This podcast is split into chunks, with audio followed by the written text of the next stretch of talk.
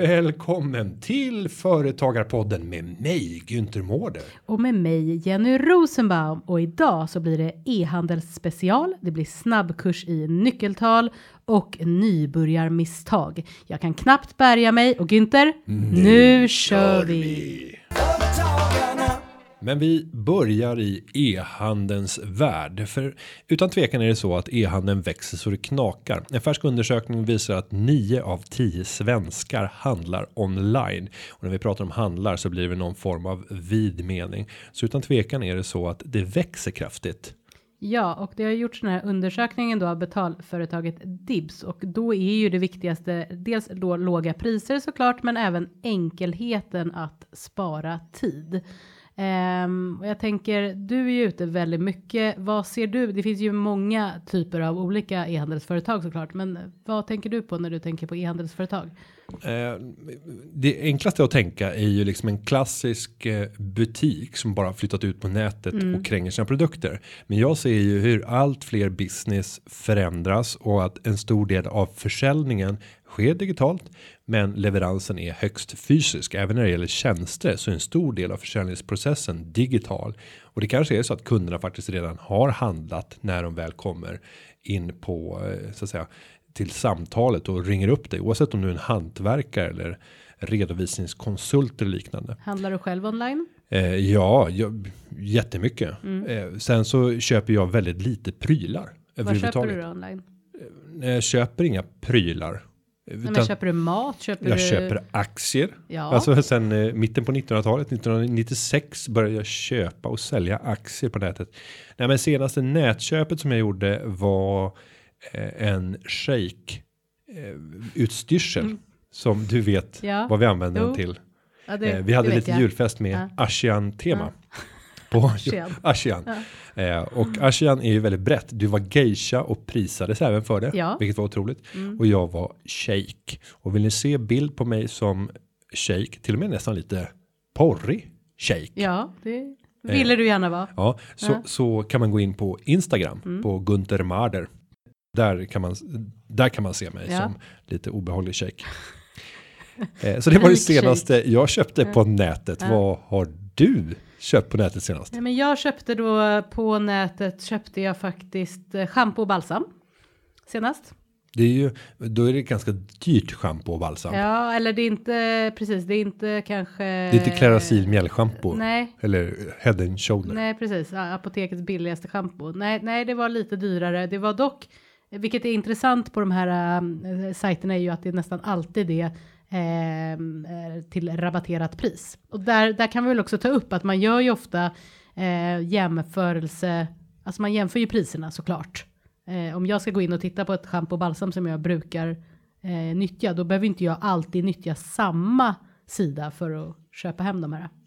Men om vi funderar över vilka som kan gynnas mest av just e-handeln Mm. så skulle jag vilja titta på den grupp av företag om vi pratar handeln av fysiska produkter av något Mm. slag så är det just sällanköpsvaror där det är en eh, låg grad av engagemang eller kunnande var jag kan hitta de här produkterna som jag ska köpa och det är ofta där jag ser att det är framgångsrikt och ju dyrare produkten är och ju mindre den är till en viss gräns ska jag säga eh, desto mer intressant blir det. Vad tänker du på för produkter? Nej, tanken slog mig när jag sa dyrare och mindre. Mm. Det leder tankarna till eh, smycken. Jag tänkte säga det, för att köpa typ en diamant, nej. den är... Nej, där vill jag ha en hög grad Ja. av handpåläggning. Men det är ett högt engagemang Ja. Mm. där. Så jag sa sånt där man känner ett lägre engagemang.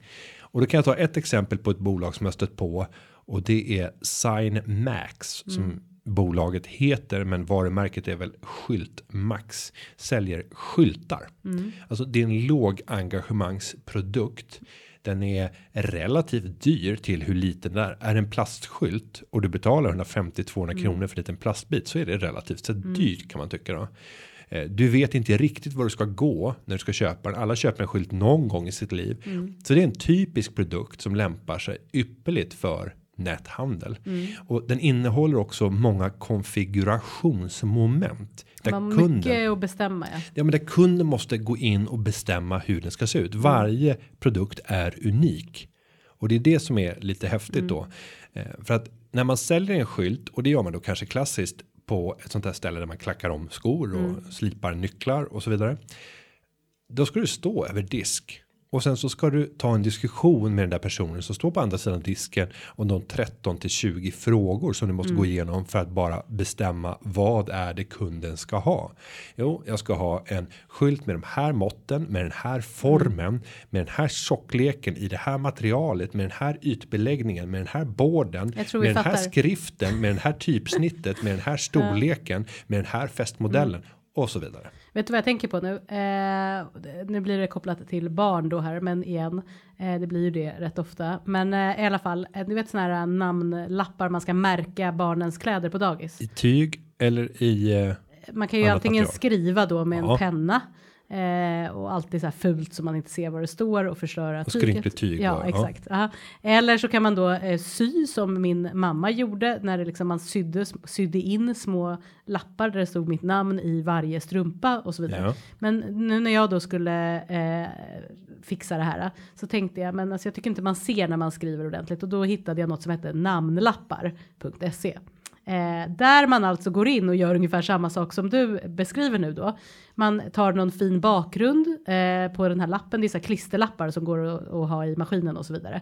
Och sen så är det var det då jättemånga val och jag måste säga, jag tycker det var jättejobbigt för att jag blev så här, vem bryr sig? Det är ungefär som när man ska gifta sig och man ska göra typ inbjudningskort och så här, jag bryr mig inte, jag vill bara få ut dem. Men när man har så många valmöjligheter så blir det så jobbigt. Det var så här, vilken bakgrund ska jag ha? Vilken färg? Det fanns tusen olika färger. Det fanns rosa med lila prickar. Det fanns gröna med bruna typ så här fyrkanter. Det fanns stjärnor, det fanns prinsessor, allt möjligt. Ska det vara, sen var det så här hundra olika typsnitt. Vilken färg ska det vara? Vilken storlek? Ska det vara små bokstäver eller stora bokstäver? Och så kunde man då sitta och klippa och klistra och se hur den här lappen såg ut. Alltså det tog mig så lång tid. Så jag känner att jag förstår konceptet, men det är lite stressande att vara Ja. kund. Förstår du vad jag menar? När det finns för många val. Men jag vill vända på det där och säga Ja. att det var för att ditt engagemang är lägre när det Ja. gäller Skylten. en namnlapp i dina strumpor på hos barnen än vad det är för en skylt som ska finnas på din lägenhetsdörr eller liknande. Men jag skulle väl brytt mig mer om skylten på dörren. Ja, du lägger mer tid på Så den. då skulle jag lägga ännu mer tid för det. Men det, jag Där men, är det okej, Ja. men, men det jag skulle vilja komma till när det var, det inte, det, var inte okej, namnlappar. det var inte okej att jag la så mycket tid på. Nej, men Jag det, det så är ett stressad. fel av det företaget tycker Ja. jag. Då borde de istället ha ett alternativ Ja. där du bara vill se förslag på mallar. Det, Det, kommer fanns, upp. och det fanns det. Ja, men kunde du inte bara trycka på en Jo men det kunde man ju, men då blev man ju så stressad för det var så här, men det kanske finns någon finare kombination som att någon skulle bry sig hur det såg ut inuti. Ja, men då är det ditt fel. Om det fanns färdiga mallar. Ja, det Då fanns ju var- användarupplevelsen och väntade på dig. vanligt. Och så valde du att åka. Mm. off-pist och ramlade och slog huvudet känns det som. Om man tänker Ja, stressande. i de termerna. Mm. Nej, men om vi tar då det här Sign Max eller Skyltmax så är det en formidabel framgångssaga. Jag tittade på senaste bokslutet. Det här verkar vara en kille som heter John eller Arne. Han heter det två namn. Född 1987. Ja. Jag tror att det är John eh, i Partille. Han omsatte 35 miljoner, tjänade 6. Tjänar 6 miljoner på att trycka skyltar. Mm. Han har den här skyltomaten och så skickar han ut. Och det här är en bra produkt. Mm. För den kan förmodligen i de flesta fall skickas hem i brevlådan. Om det inte är en tung Mm. är jäkla stor. Mm. mässingsskylt då. Men även de. Alltså, För de är inte så tjocka. nej? Mm. det är ganska bra format. Du får ändå in det i ett vadderat kuvert. Så att rätt tunga grejer kan levereras. Suverän, alltså det är en drömprodukt. Lågt engagemang, en hög grad av individuell anpassning där kunderna kan göra jobbet jämfört med den här butiken där du stod och Många majoriteten av kostnaden för att ta fram den här skylten. Det var när ni stod och pratade och definierade vad det Ja, du tänk dig ha. själv att eh, du har då fem kunder i butik. Alltså det tar ju en evighet för varje kund. Och sen är kunden nervös över ja. och tänk om det blir fel. Ja, och det blir uppfattar, det ju de, alltid, man- uppfattar de uet i Rosenbaum? Ja, eller blir förstod de, hur man skulle, förstod de hur man skulle stava Günther? Ja, Det är ju ingen som... kommer de ihåg prickarna? Ja, Nej, prickarna kom på fel bokstav. ett, en annat företag som jag imponeras över det är också Lyko. Lyko Mm. online. Där har jag köpt grejer. Ja, Rickard Lyko som startade bolaget. Familjen har varit verksam inom frisörs eh, segmentet under lång tid har haft två stycken salonger i Vansbro kommun i Dala-Järna och i Vansbro. Dalarna. Dala-Järna.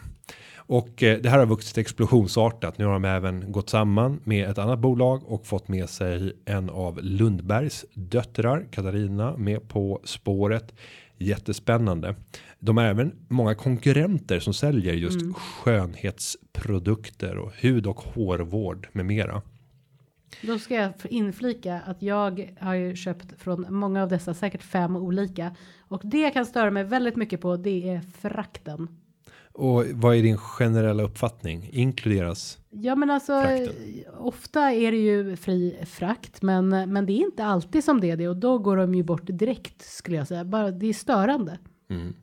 Det borde bara alla ha inkluderat, lägga på lite i så fall på priset. En annan observation som jag gjorde när det gällde just skönhet och hårvård. Det var att när jag gick in och tittade på Det var att du ägarna- inte hade någon produkt hemma i ditt jo, skåp. Jo, men jag har fått sådär aftershaves och, och det parfym och, och det toalett. Men, men hårvård pratar jag om, för jag ser lite tussar som hänger ner. Jo, men jag har ju hårvård. Jag, är proff, jag har proffs hårspray i nu. Mm. Det blir som en extra hjälm på min backslick. eh, men vi ska Ja. komma till just ägarskapet. Mm. För att när jag gick in och tittade på prisjämförelsesidor Mm. och jämförde vad, hur ser bolagen ut, hur mycket tjänar de, vad omsätter de, eh, de som säljer parfymer och smink och så vidare. Så kunde jag hitta att det var flera bolag som ägdes av samma person. Oh, det är som de här bluffföretagen. Nej, jag skojar. Nej, det är inget De ägs, av, de ägs av samma. Jo. Nej, ja. Ja men grunden här Mm. det är ju att förmodligen så har den företagaren exakt samma lager Mm. till alla. Mm. Men sen jobbar man med eh, olika gränssnitt utåt och profilerar det som olika företag med olika kundupplevelser. Man tänker då att det är bara lågt pris och att Mm. det ska vara bra leverans och det ska vara lätt att bara göra köpet. Men det är så mycket mer. Tänk dig när du får hem det paketet. Det är en stor skillnad om du får ett brunt wellpapp paket Mm. jämfört med om du får en fin ask. Och när du öppnar det så är det cellofan. Det står en personlig hälsning med fin Jag tror skrivstil. sällan att det finns Hoppa- sådana på de där från de företagen. Jo, men det gör det. Mhm. Det gör det. Kanske har varit för dyrt för mig. Ja, för att då Mm. är det ju en annan sajt med en Mm. annan, en annan design, ett annat tilltal för att kunna locka den målgruppen som inte är ute efter det lägsta priset utan en härlig upplevelse och känna sig viktig. Sen har du den andra, liksom, den Mm. lågprisaktören där det bara handlar om att kränga ut den här. Och då är det förmodligen så att man profilerar storflaskorna. Mm. För det är få som går in på den exklusiva och köper den här 250 milliliters Mm. parfymflaskan. Bara, här ska luktas. Oj, oj, oj, vad ska luktas. Ska luktas i flera år. Sen så, så att jag, jag pratade med en entreprenör för några år sedan och nu har jag glömt vad, vad han heter. Men han skulle starta nätbutik och då berättade han att istället för att göra en marknadsundersökning så gick han ut på Google Mm. och bara sökte efter allt som man kan tänkas sälja.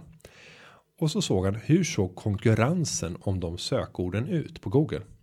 Och han kom fram till att det var två saker som stack ut där konkurrensen var rätt låg trots att antalet sökningar var rätt hög. Och det ena var hattar och det Mm. andra var mattor. De två sakerna. Men han, han skulle inte starta ett företag tillsammans, alltså hattar och mattor. Nej, utan ett för vardera. Så ja. han startade en webbutik för hattar och en för mattor. Och just när det gäller mattor, där fanns det redan sedan tidigare en stark konkurrent och nu har jag varit inne och tittat på deras senaste bokslut som heter Carpet Vista. Brutal aktör inom inom just nätförsäljningen av exklusiva mattor och det är Sa- Sayed Amir Hussein Zadr som driver det bolaget. Eh, De omsatte 2004 miljoner i eller förlåt 204 miljoner i senaste bokslutet och tjänade 17,4. Tjänar 17,4 miljoner och jag kan tänka mig att bra kan man säga. Sayed om det är hans tilltalsnamn faktiskt drev säkert Mm. en sån här En matt, en mattbutik. mattbutik Ja. i Malmö. Eh, det här är i, i Limhamn, så Mm. fina delen av, av Malmö. På Limhamn Mm. heter det. Heter och- det på Limhamn? Ja, på Limhamn. Mm. På Limhamn. Det har jag fått lära mig när jag har varit där. På Limhamn. Eh, och det är få sådana här mattbutiker som kan skryta med en enorm lönsamhet. Mm. Är min uppfattning i alla fall. Men Sayed då. 204 miljoner omsättning och 17,4 Det är bra jobbat. 2014 så plockade han ut en utdelning på 24,2 miljoner. Året dessförinnan 5 miljoner. Det Trevligt. går bra för grabben. Mm. Men då är frågan, är det här intressant? Borde man ge sig in i det här fältet? Blir du lockad av att nu börja? Om någon kom till dig som entreprenör och sa att jag vill ge mig in i konkurrensen. Jag ska plocka en del av det Mm. Sayed tjänar på de här mattorna. Jag eh, är ju ingen entreprenör och hade väl tyckt att det verkar jobbigt med mattor överlag. Ja, De är stora, tunga, man måste kunna ganska mycket och var köper man in dem? eh, ja, Mm. oftast från Iran Ja, tänker jag. eller Turkiet Ja. eller Kina beroende på Nej, men jag vilket. tänker att det liksom är mycket mer jobb. Om man mer. åker till, till Kiviks marknad. Nej. Det är väldigt dumt. Ja. Eller Jokkmokks Ja, marknad. då tänker jag att skönhetsbolaget hade varit bättre för mig. Jo, men det som händer, det Mm. jag vill komma till, det är att om vi nu skulle bestämma oss för att ge oss in i den här konkurrensen, Mm. vilket den entreprenören gjorde, att ge sig in i mattbusinessen, Mm. då måste vi nog konkurrera med pris för att Mm. positionera oss jämt emot en sån här aktör. Och det är det här vi kommer se nu de kommande 10-15 åren. Att även sådana segment där det finns e-handelsbolag idag som tjänar väldigt mycket pengar. Mm. Så kommer det bli uppenbart för andra att här finns det en lucka. Och så ger man sig in, börjar Mm. konkurrera med pris och sen börjar priset pressas ner till en sån nivå. Mm. Att det är distributionen och lagereffektiviteten som kommer att avgöra. Men, jag, hur men alltså, duktig är det förlåt på att jag tänker, men mattor här, alltså det är intressant ändå att det har gått så bra eh, på nätet. För jag tänker en matta vill man väl känna, ni gillar ju mattor i er familj, vill man inte känna och klämma och se den här mattan? Ja, men du har väl returrätter. Det är ju en ganska stor affär. Många av de här mattorna Mm. Går ju- på både 25, 30, 40. Det finns säkert några mattor för Mm. uppåt 100 och 200 000 Absolut. också. Mm. Eh, så att du har nog en, en rätt bra returrätt på dem. Jobbigt att skicka tillbaka.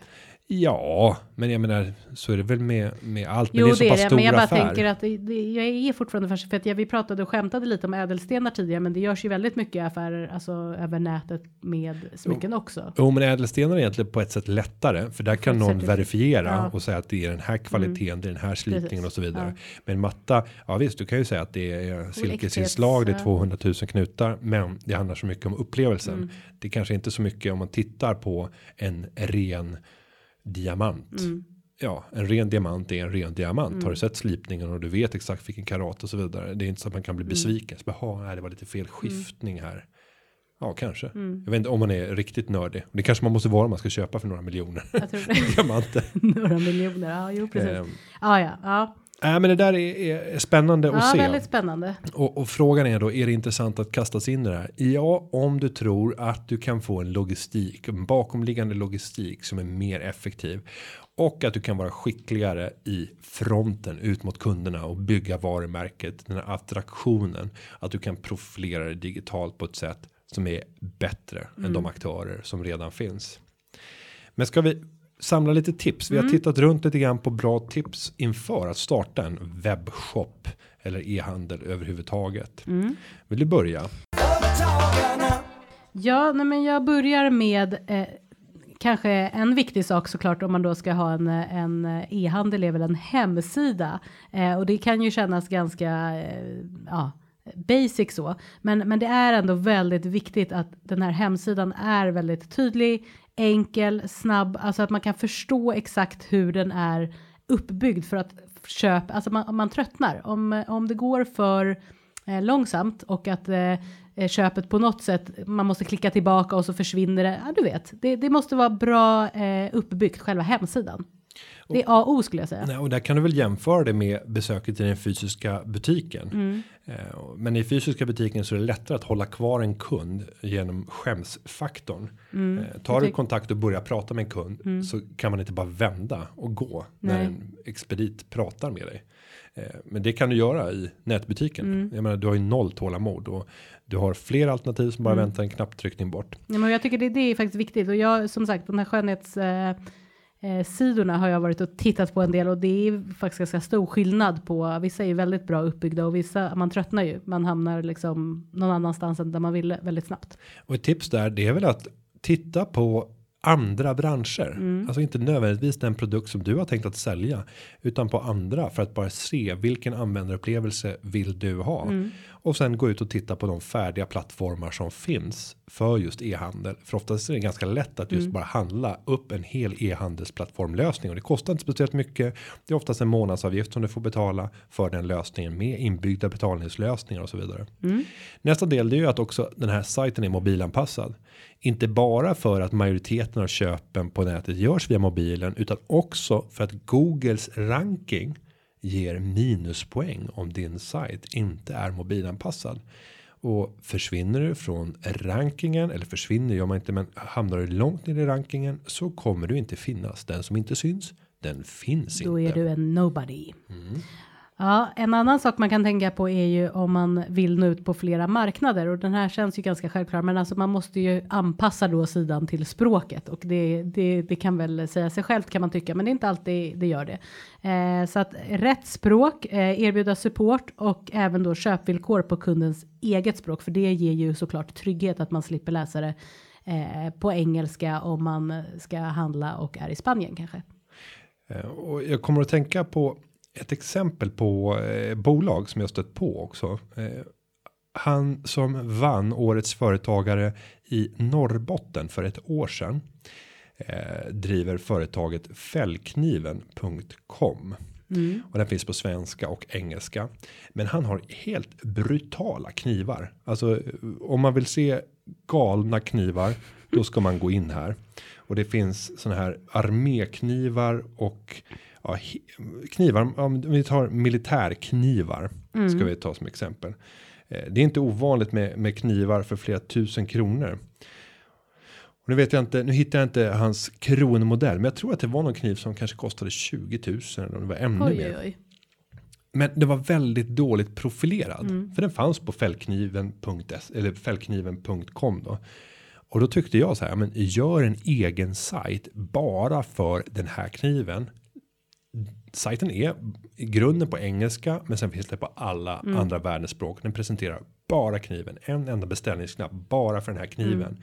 För att skapa en helt sjuk hype kring det här. Mm. Just den och sen ha massor med pressbilder. Ha teknisk information om den. Kända människor håller i den här kniven. Så här. Ja, men du kanske kan visa upp. Ja. Eh, Kan du ha Instagram-foton som du kan plocka upp där de har bara en hashtag till den. För att också komma in i sådana här magasin. Om vi tittar i Sverige så typiska grejer som man vill komma in i. Det är så här DI weekend. Som så här inför jaktsäsongen. Saker du inte visste att du behövde. Och så Sådär visar man upp saker. ja. Ja, och så får man jättebra marknadsföring gratis. Och det finns så mycket sådana här magasin runt om i världen som folk sitter och, och blänger på. Så jag tror att Fällkniven är ett sånt bolag som skulle kunna tjäna otroligt mycket på att ompaketera, jobba med med eh, separata sajter för enskilda produkter som de säljer. För det är häftiga grejer. Sen kommer vi till en annan del och det är betalningssätten. En kund som inte kan betala på ett sätt som man vill kommer att lämna. Så enkelt är det.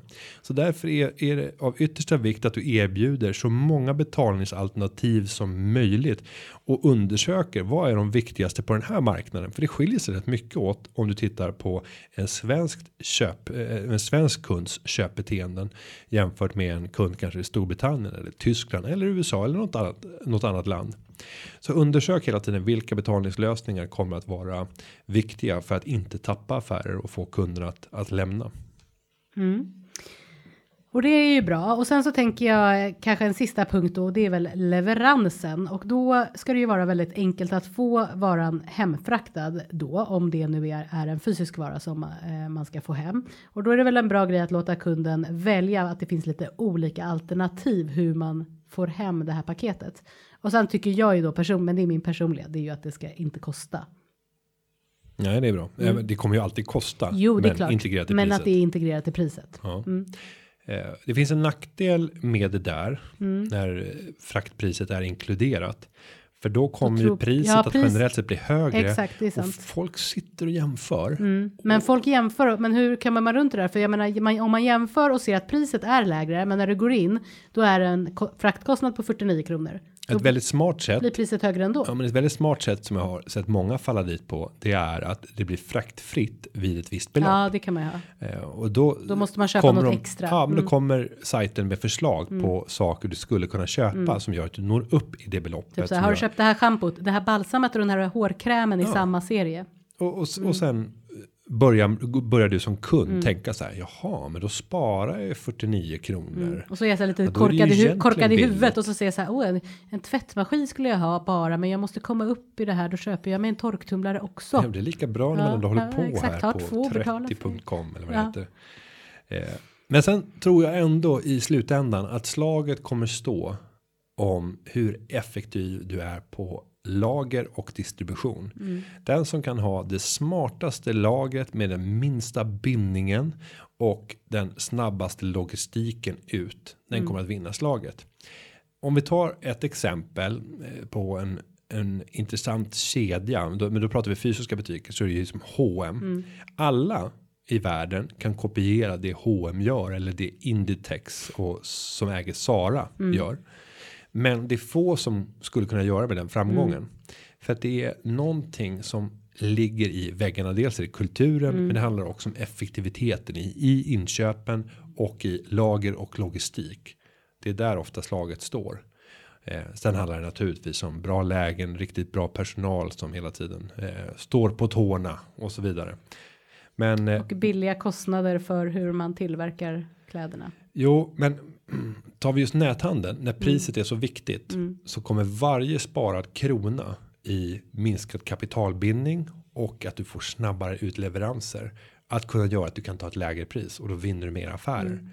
Så att jag tror att alla sektorer kommer, kommer genomgå en förändring där vi ser hur priserna pressas. Det gör vi redan idag till följd av digitaliseringen. Det är en av förklaringarna till att inflationen är frånvarande i västvärlden nu. För en stor del av vår konsumtion där sjunker priserna till följd av att det är lättare för oss att komma åt produkter som vi tidigare inte kunde hitta överhuvudtaget. Eh, och vi hittar det lägsta priset. Och det här kommer leda till lägre marginaler och det gör att det blir allt tuffare som företagare. Så att som om jag om jag skulle vara en handlare idag så skulle jag bestämma mig för ska jag ge mig in i det kriget eller ska jag fokusera fullt ut på att skapa upplevelsen i min fysiska butik istället och försöka krydda den ännu mer för att skapa ett helt annat alternativ. Du skapar, du fyller ett helt annat behov än den som bara vill köpa den här produkten till ett lågt pris. För där kommer slaget bli så hårt att marginalerna blir lövtunna. Det är digitaliseringens baksida man säger då för företagen till fromma för oss konsumenter. Får jag dra en företagsidé? Nej, Nej, fan då. okej då. Okej, vad roligt. Vad roligt att du vill höra. Ja, Jag har en idé om en e-handel Mm. med också en fysisk butik där lagret är en lagershop. Mm. Så tänk dig någon som har gjort så här lagershoppar. Eh, det är ju typ NetOnNet Mm. och de har gjort ett stort nummer av det. Svårt att hitta eh, dit, men svårt att hitta lägre priser. Ja, strunt samma. Men det är svårt att hitta dit i Ja. alla fall. Eh, men både du och jag har haft småbarn eller har småbarn eh, och de konsumerar väldigt mycket av ett antal produkter. Jag tänker till exempel på barnmat. Jag tänker på dräggellappar, nappar, välling, såna här wipes som man tvättar med, tvättlappar, blöjor, sen klämmisar med smoothies och, och annat i. Tänk dig att kunna köpa det här på bulk. Att kunna köpa inte alltså du menar mm, stor mängd? Inte gå in på liksom Ica Maxi och Nej, köpa tre- två ja, nappar. eller tre- för tre smoothies för 39 25 spänn. kronor. Nej, Mm. inte så. Utan nu pratar vi 100 klämmisar. Vilket går åt Ja, hos oss. det går åt. Ja. Och vi pratar 100 nappar. Mm. Och vi pratar 500 blöjor uppdelat i olika eh, Storlekar. storlekar. Mm. Och vi pratar 2000 wipes. Mm. Och då tänker ni så här, ja, men vem ska ha plats för det här? Man har plats. Är det det, tillräckligt är det billigt. tillräckligt billigt så Då har skaffar man man, ett lager. Gå ut och ställ dig utanför Ullared på GKs. Så ska du få se. Folk har plats. Mm. Nej, men att ha och eh, förslaget är att bolaget heter Baby Bulk. Mm. Baby Bulk. Och vi har en lagerbutik och vi börjar i Stockholm.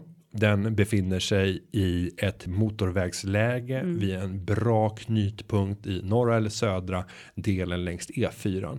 Kanske Kungens kurva. Mm. Jag tänker det är nära någon sån här Ikea Ja, outlet. Kungens kurva är bra. mm. Även Häggvik är ett bra läge om vi tittar på norr.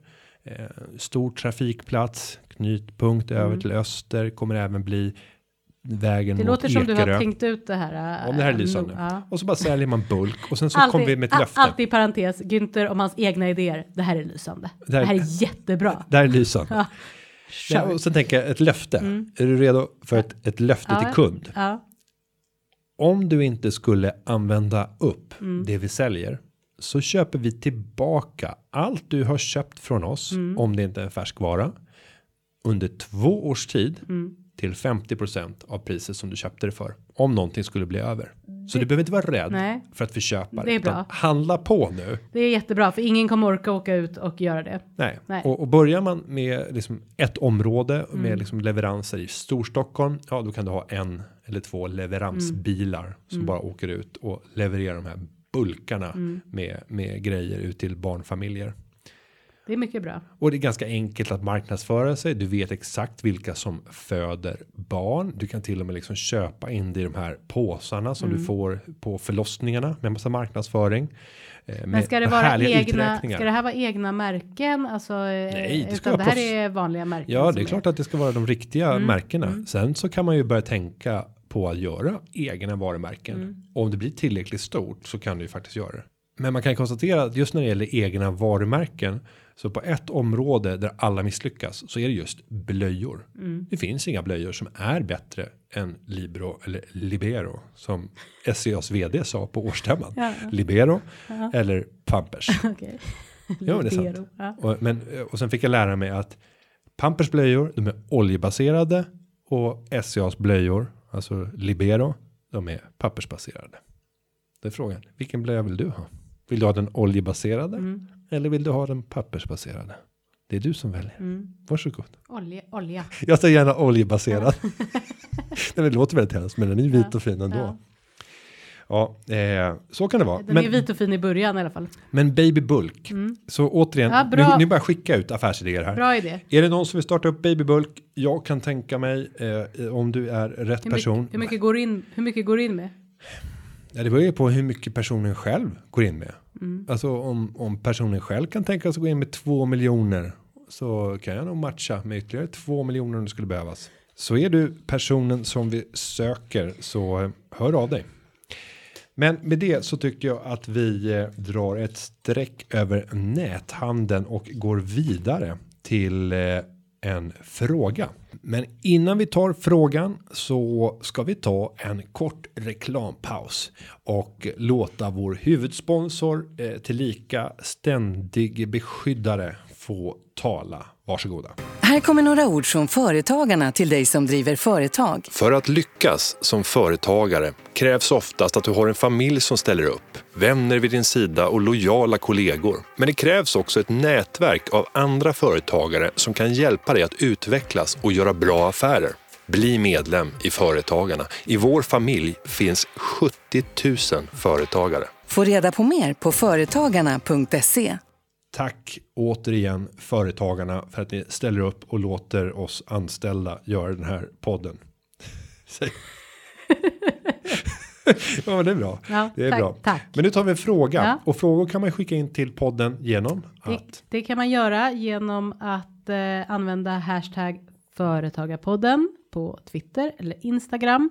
Man kan även gå in på företagarpodden.se där det finns ett formulär som man kan fylla i. ja, Mm. och en som har gjort det är Daniel Karlsson från Växjö. Företagarna. Vad Precis. frågar han? Han frågar så här, men jag ska först ge lite beröm.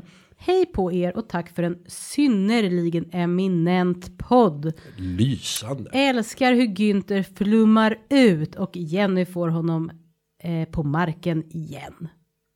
Ja, Mm, det, Ta- tack så det- mycket. Det är korrekt. Nu till min fråga. Vilka nyckeltal är viktigast att hålla koll på och hur ska man läsa och tolka nyckeltalen exempelvis när man läser bokslut och nyckeltal på allabolag.se eller motsvarande? PS. Kommer att bli medlem på grund av podden. Kan inte motstå längre. och välkommen Tjo! säger vi till Daniel Karlsson Ja, från Växjö. Otroligt. Och det finns även plats för dig som lyssnar på podden att bli medlem. Så gå in på företagarna.se och signa upp. Mm. Men Nu till frågan. Ja, Nyckeltal. jag tycker att eh, kan du göra någon typ av genomgång för att jag eh, är jurist och jag vet inte vad ett nyckeltal är höll jag på att säga. Nej, men på riktigt, jag, jag, eh, om man går in på alla bolag och tittar. Mm. Och det finns eh, även andra sidor, ja. typ Ratsit och jag ska slå ett slag för hitta.se Ja. där du dessutom kan ladda ner de tre senaste årens årsredovisning. Mm. Eh, och då får du den kopia som har skickats in till Bolagsverket. Mm.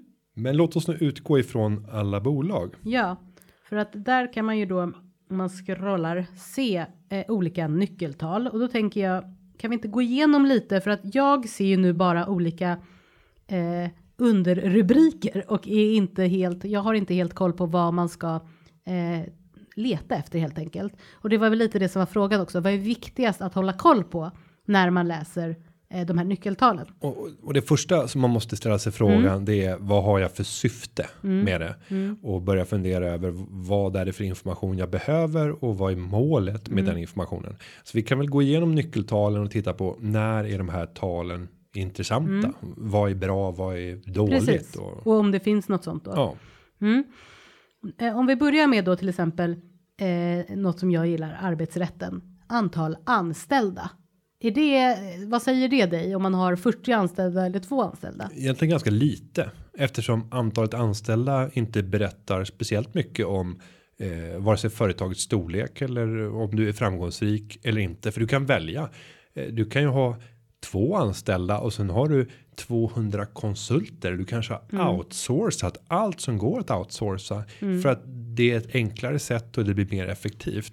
Så mm, antalet anställda är egentligen ganska ointressant att titta på. Men däremot ska man komma ihåg att många entreprenörer och företagare oavsett hur vi ser på skillnaden där eh, tycker att det finns en tjusning med många anställda. Ja men då verkar det som att man Det är har stolthet. Ja och Jag har 50 anställda. Alltså, man har ett större bolag. Alltså det är det man tänker att det är ett stort och eh, välmående bolag. Ja, så skulle man vara en konsult och komma in och rådge Mm. så är det inte givet att ett företag som hade 50 anställda på en mindre ort och sen kommer en konsult och säger att vänta nu, du kan lägga ut hela ekonomiavdelningen och hela IT-avdelningen. Du kan flytta din växel Mm. eh, och köra från ett externt bolag och så vidare. Och så säger man och på så sätt kan du ta bort 20 anställda Mm. så att du kommer ner till 30. Jag tror att många skulle säga nej till det. Dels för att man känner ett ansvar gentemot alla Mm. Ja. Mm. anställda på den här mindre orten, men också att man själv känner sig framgångsrik när man har många anställda. Ja, Ja, så att egentligen inte speciellt intressant Nej. mått i mm, någon mening. Eh, nej, okej. Om man fortsätter då. Nettoomsättning per anställd. Ja, och nettoomsättning per anställd. Det där, säg vad det är. Alltså, ja, Mm. hur mycket säljer vi? Om vi tar den totala försäljningen i hela bolaget så Mm. dividerar vi det med antalet personer. Då får vi upp nettoomsättning per anställd. Och det där är ju intressant om man till exempel tittar i ett konsultbolag. Mm. Och det gäller så med alla nyckeltal att du måste jämföra nyckeltalen med de bolagen som finns inom samma bransch. Du kan inte ta ett byggbolag och jämföra med ett it-konsultföretag och sen en handlare. nej, och sen säga det här är bra och det här är dåligt. Men tar du fem it-konsulter Mm. och så tittar du på nettoomsättning per anställd och alla jobbar bara med egna konsulter och har inga andra underkonsulter.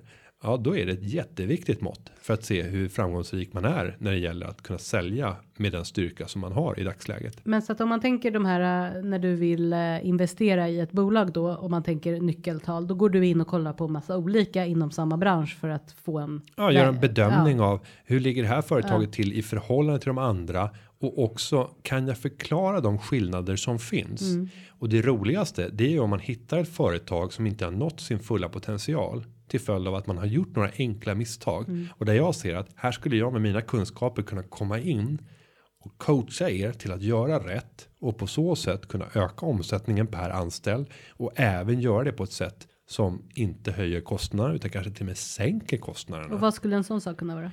Ja, det skulle kunna vara att man jobbar alldeles för lite med eh, marknadsbearbetningen, alltså för lite säljaktiviteter. Om man skulle då frigöra 5% av de skickligaste personerna som kan sälja på företagets tid till att vara ute och bearbeta fler kunder. Ja, då kanske man till och med skulle kunna öka att man tittar på effektiviteten i leveransen. Om du kan öka antalet uppdrag med 50% men du tackar nej till lika många uppdrag och väljer ut de gottigaste. Mm. De där du ser att här kan jag bidra med högst värde till kunden Mm. och där kanske till och med kan våga mig på en annan prissättning i leveransen. I ett konsultbolag så kanske jag säger att nej, vi tar ett lågt, ett, ett lågt timpris, men däremot så tar vi en en prestationsbaserad avgift. Mm. Så att om vi lyckas genomföra det här projektet enligt de här kriterierna, då faller det ut en bonus. Och då ska det vara så att kunden närmast skulle bli överraskad om ni lyckades leverera, men du är övertygad om att ni kan göra det. Att börja balansera om i produktportföljen helt enkelt eh, och sälja smartare. Det behöver inte driva kostnader, men det kan öka omsättningen och det kan framförallt då få en väldigt positiv effekt längre ner i resultatet. Ja. Eh, jag tänker så här. Eh, det finns ganska många nyckeltal. Vilka kan inte du ta något, något eller ett par stycken av dessa? Eller ska vi gå igenom? Nej, men om vi tar några andra som jag tycker Ja, är väldigt intressanta. Exakt. Nettoomsättningsförändring och det är ju egentligen tillväxt. Mm. Och om man tittar på en tillväxtsiffra så vill jag alltid se att det här bolaget växer snabbare än marknaden. Okej. Och då måste man någonstans definiera hur snabbt växer den här marknaden. Eh, Det kan du göra genom att dels titta om det finns branschorganisationer som kommer ut med rapporter om marknadens utveckling i den här branschen. Men du kan också samla de största konkurrenterna för att se hur snabbt växer de och jämföra den tillväxten med det bolag du själv tittar på eller det bolaget som du själv driver för att se växer mitt bolag i takt med de som jag vill jämföra mig med eller om det växer? Och hur mycket snabbare är, alltså om man säger bra så att säga, hur mycket snabbare om, om ett bolag växer 20% snabbare än, ja det är ju bra antar jag. Jo, men nu hade vi Men det kan, bolaget har vi tittar på grej? nu Ja. Mm. är ju Carpet Vista Ja. som vi pratade om tidigare. Och då står det att nettoomsättningsförändringen var 23,7 procent. Mm. Och det är klart, då ska vi förhålla det till dels försäljningen av mattor i Sverige Mm. och sen ska vi tänka att det är e-handel av mattor. Och jag kan tänka mig att det är väsentligt mycket snabbare Mm. än marknaden i övrigt. Svensk ekonomi växer med ungefär 2-3 procent per år just nu. Det var 4 procent för ett år sedan. Så att där har du genomsnittet för hela svenska ekonomin. Försäljningen av mattor tror inte jag är. Jag tror inte att den är dramatiskt mycket högre. Det är inte någon. Rätta mig om jag har fel, men jag, jag, har inte kunskap. Hur ska jag veta om du Jo, men fel? så här är mattor inne eller ute? Ja. Växer mattor långt snabbare än svensk ekonomi? Nej, Nej, jag tror inte mattförsäljningen. Nej. Jag tror att den ligger, Ligger nog rätt stadigt. Ja. Och då att ha en tillväxt på 23,7 procent. Det är helt otroligt. Det är Mm. makalöst bra. Och det hade ju gällt de flesta branscherna. Det är Mm. få som växer i de här talen. Så att oavsett vilken bransch det här var i så hade det närmast varit lysande. Det tittar jag på. Mm. Den här DuPont-modellen som låter väldigt eh, trevlig. Vad är det för modell? Och eh, det här är ett lite av, mer avancerat sätt att räkna ut vilken avkastning man har på eh, företaget.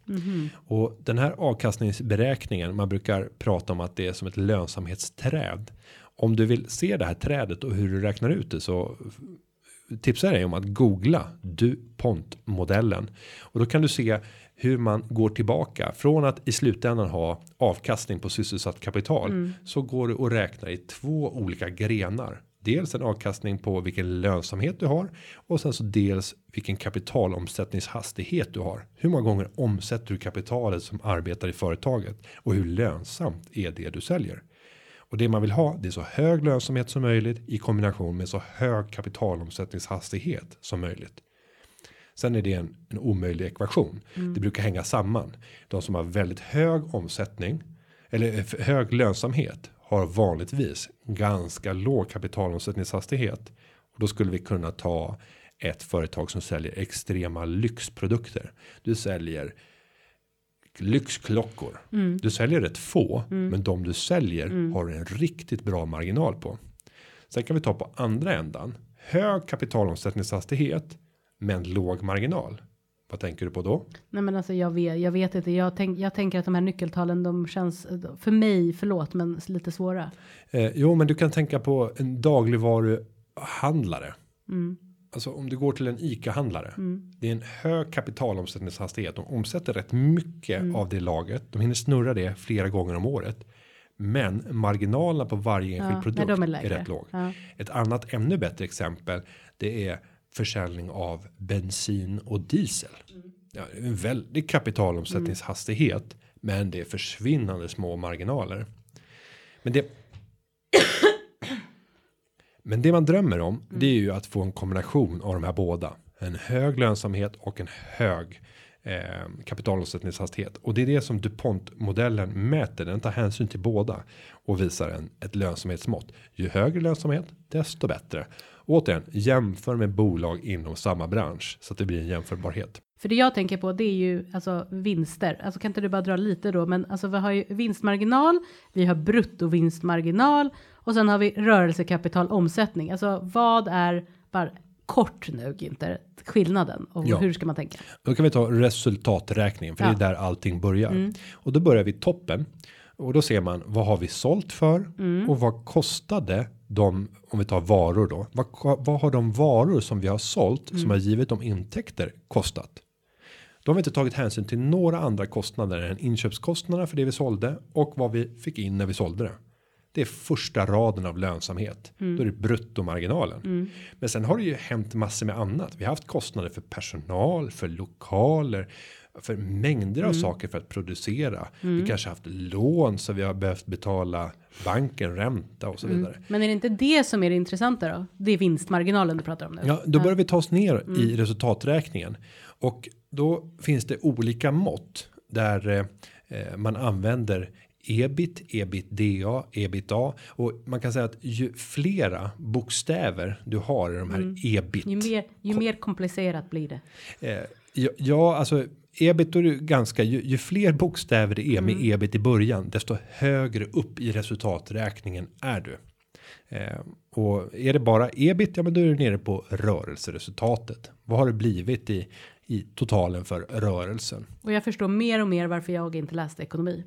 Ja, men det mest intressant om du ska titta på ett lönsamhetsmått Ja, så är det egentligen att titta på om du vill ha reda på hur mycket har det här bolaget eh, tjänat? Ja, men då är det sista raden vinst efter skatt. Ja, för om du går in på, du bara, det här är bolaget är intressant för mig. Eh, Jag går in och kollar lite snabbt under tiden jag pratar, för det gör du ofta. Går in på alla bolag eller något annat eh, och tittar. Då tittar ju du på omsättningen och sen vinsten. Ja, omsättningen för att bara betrakta storleken. Ja, men om och sen tittar jag på snabbt omsättningstillväxten. Ja. Och sen så tittar jag på vad har man för lönsamhet i de olika stegen. alla andra nyckeltal. Ja, men det går ganska snabbt när man Ja, förstår hur det hänger samman. Men man måste ju ha ett intresse för det här. Eh, men jag skulle vilja slå ett slag för att dels du som företagare faktiskt sätter dig in i ditt eget bolag. Gå in på de här sajterna för att titta på hur ser mina nyckeltal ut? Jämför med konkurrenters. Sätt upp mål för vad du skulle vilja se i framtiden av ditt bolag.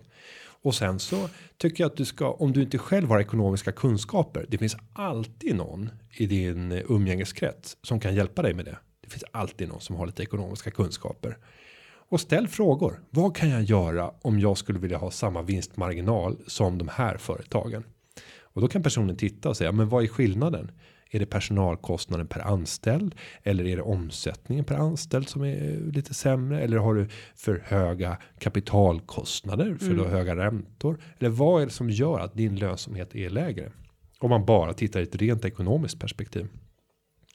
Så att sätta upp mål och om du som investerare gör det här, ja men börja på, kanske på aktiemarknaden, för där är allting så transparent eftersom vi även vet priset på bolaget. När vi tittar på onoterade bolag så har vi ingen aning om priset på bolaget, för priset det är vad någon annan står beredd att betala för bolaget. Inte, vad, inte vad bolaget själva tycker att det är värt. Nej, och, och företagaren bakom kommer alltid tycka att företaget är värt långt mycket mer än vad marknaden står beredd att betala i de allra flesta fall. Så att eh, det, det är det komplicerade.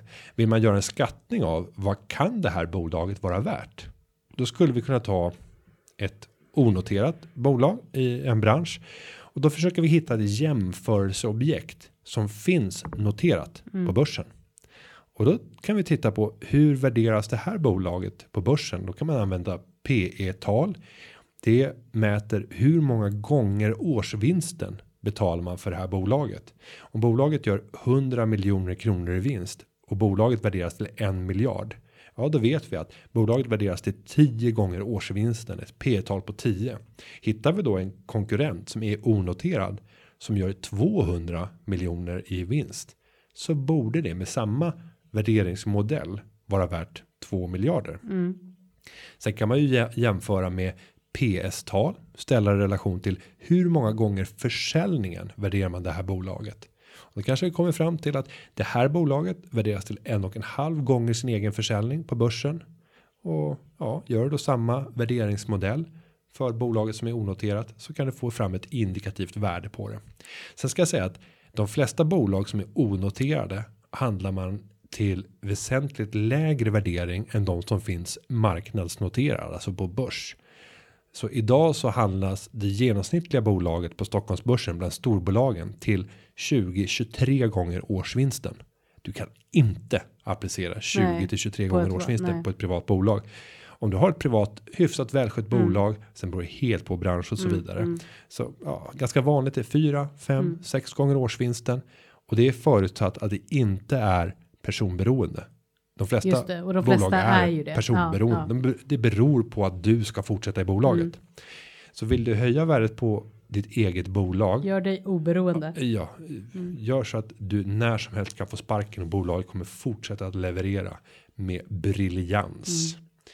Ja, det här skulle jag kunna ägna enormt mycket tid åt och vi kommer det. säkert återkomma i framtiden kring nyckeltal och göra djupdykningar. Vi kommer att ha ett DuPont special ja, precis. Spännande. eller inte. Ja, Ska vi gå vidare till nästa fråga? Får jag läsa ja den? då får du läsa. Och den här frågan kommer från Marie Hansson i Kiruna.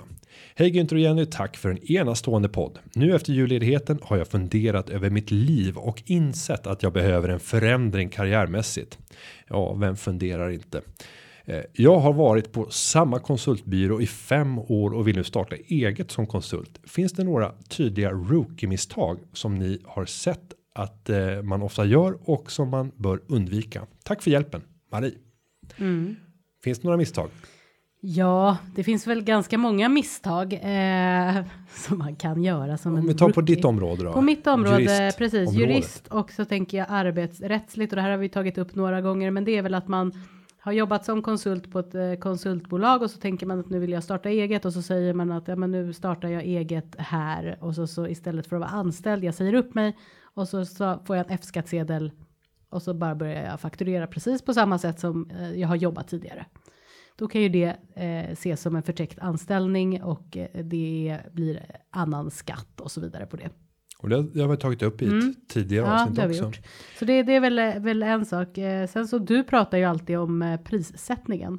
Ja, man underskattar oftast vilket pris man Mm. borde ta ut mot kund. Nu har hon jobbat som konsult, eh, men det viktiga är att hon också måste ha sett fakturorna för hela Ja. konsultkedjan. Precis. Så att hon förstår även att ta betalt för alla kringkostnader som man har. Inte bara för att kunna ta ut sin egen lön. Nej, och också att ha ett företag. Alltså, det är ju som många medlemmarna till oss ringer till juridiska rådgivningen och många börjar med att jag är ju bra på och så det man är bra på, inte allt det här andra runt omkring och det tar ju väldigt mycket tid. Och sen är det också viktigt att Marie tittar på hur engagerad har hon varit i försäljningen av uppdrag. Hon har jobbat på en byrå i fem år, men det är otroligt mycket tid som går åt att sälja in uppdrag. Och eh, det är nog viktigt att hon har varit engagerad i den processen. Har hon inte det så skulle jag försöka kanske stanna kvar ytterligare ett år för att lära sig den processen. Man behöver lägga långt mycket mer tid på sälj innan. Innan hon säger upp sig så skulle jag också förbereda ett säljmaterial att kunna gå ut och pitcha. Inte på arbetstid, Nej, för det är på stöld. arbetstid och ta eh, kundregistret. Ja, och där handlar det om att vara metodisk. Ska Mm. du stjäla ett kundregister så Det är A och O. Ja, och då kan du åka dit så stänker om det. Mm. Nej, men gör ett säljmaterial där du beskriver ditt erbjudande. Gå ut och möt potentiella kunder. Det bästa är om det inte finns någon konkurrenssituation Mm. mellan din nuvarande arbetsgivare och dina potentiella eh, kunder då. Vilket antagligen finns med tanke på. Ja, vad man kan. Ja, mm. Men förhoppningsvis inte. Eh, och pröva att bearbeta dem. Och jag skulle säga lyssna. Lyssna in deras behov. Mm. För på det sättet så kommer ditt erbjudande att utvecklas. Eh, ofta så blir det någonting helt annat än Mm. vad man tänkte sig från början. För att kunderna har ett annat behov. Nu kanske hon skriver inte vilken typ av konsult Nej. kanske har jättebra koll på det. Kny, jag- jag- knyt nätverk är nästa. Ja, ja det är bra. Eh, jo, men om man kommer som ensam konsult så har Ja. man en ganska låg leveranseffektivitet. Mm. Om du ska göra allt. Då är det bättre att ha ett nätverk med mängder av olika personer som kan hjälpa dig i leveransen. Eh, så att Jag tänker på ditt motto, sparad krona. Alltså att man, eh, för det kommer ju kosta, det är som en husrenovering. Det kommer kosta mer, det kommer ta längre tid. ja, Så att man, sparar, att man ska spara ihop som en buffert som man kan ha första tiden. Ja, så att man inte tvingas lägga ner Mm. företaget till följd av att kassaflödena blev Mm. dåliga i privatlivet. Du måste ha buffrat upp. Eh, och sen kommer man alltid, om man lyssnar på de som har lyckats. Det här är en ganska rolig avslutande reflektion. Mm. Så säger de så här. Hade jag vetat hur jobbigt det här hade varit och hur lång tid det skulle ta och hur mycket kapital som skulle krävas så hade jag aldrig gjort det. Mm. Så säger alla som har lyckats. Så säger alla som har renoverat hus också, sen gör de det igen. Nej, ja, så gör de det igen. Ja. Och de som har lyckats. Eh, och sen de som har misslyckats. Där säger man aldrig så. Mm. Eh, utan där säger jag så här. Ja, det är klart, det blev inte som jag hade tänkt mig. Men, men å andra sidan så blev jag en erfarenhet rikare. Och jag skulle inte vilja ha haft det ogjort. För det var ändå, jag lärde mig någonting Ja. av det. Man är alltid väldigt ursäktad när man har misslyckats. Ja. Och sen så när man har lyckats så, Så jag hade man. aldrig gjort igen. Nej. Så att lyssna inte allt för mycket på de som pratar på det sättet. Det kommer vara tufft, självklart. Men allting börjar i säljet. Och försök ha en kund redo innan du säger upp dig. Så att du vet att du har någonting att gå till. Mm. Eh, det är mycket tryggare än att bara kasta sig ut. Eh, så att det får väl vara våra, Ja. våra tips. Men med det så springer tiden och vi avslutar därmed och säger att den här podcasten har klippts av Gustav Dalesjö. Tack för den här veckan. Ha det gott. Hej! Hej hej. Hej dagarna. Ja, ja, ja,